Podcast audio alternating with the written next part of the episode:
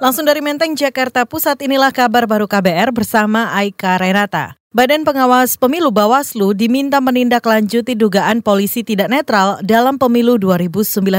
Ini menyusul pernyataan ex Kapolsek Pasirwangi Sulman Aziz yang mengaku diperintah Kapolres Garut menggalang dukungan untuk paslon Jokowi Ma'ruf Amin. Meskipun belakangan pernyataan itu dianulir oleh Sulman, Direktur Eksekutif Perkumpulan Pemilu dan Demokrasi Perludem Titi Anggraini menyatakan dugaan tersebut harus diungkap agar tidak memicu kontroversi.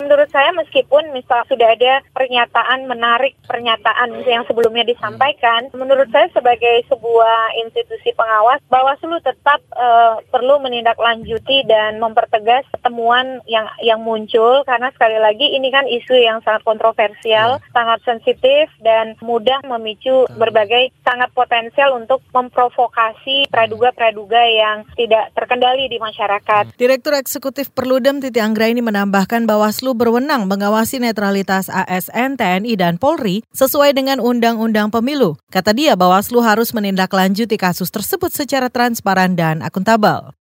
Kita beralih, Pusat Vulkanologi dan Mitigasi Bencana Geologi PVMBG menambah alat pemantau aktivitas gunung anak Krakatau. Kepala Mitigasi Gunung Api PVMBG Hendra Gunawan menyatakan penambahan alat itu ditujukan agar seluruh aktivitas gunung bisa terpantau lebih akurat. Ini dari PVMBG sudah melakukan pemasangan alat monitoring yang lengkap, jadi sekitar ada empat stasiun alat monitoring, dua stasiun alat deformasi untuk mendeteksi kembang kempisnya gunung, dan dua untuk mendeteksi uh, gempa. Dan diharapkan dengan adanya peralatan yang baru kita pasang tanggal 19 Februari dan tanggal 9 Maret, ke depannya kita bisa uh, memantau dengan lebih akurat. Kepala Mitigasi Gunung Api PVMBG Hendra Gunawan menambahkan sejak 31 Maret hingga 2 April telah terjadi 57 kali gempa dan 8 kali letusan awan putih setinggi 1000 meter. Aktivitas itu disebabkan interaksi antara air dengan panas magma Krakatau. Status anak Krakatau telah diturunkan dari siaga 3 menjadi siaga 2 sejak 25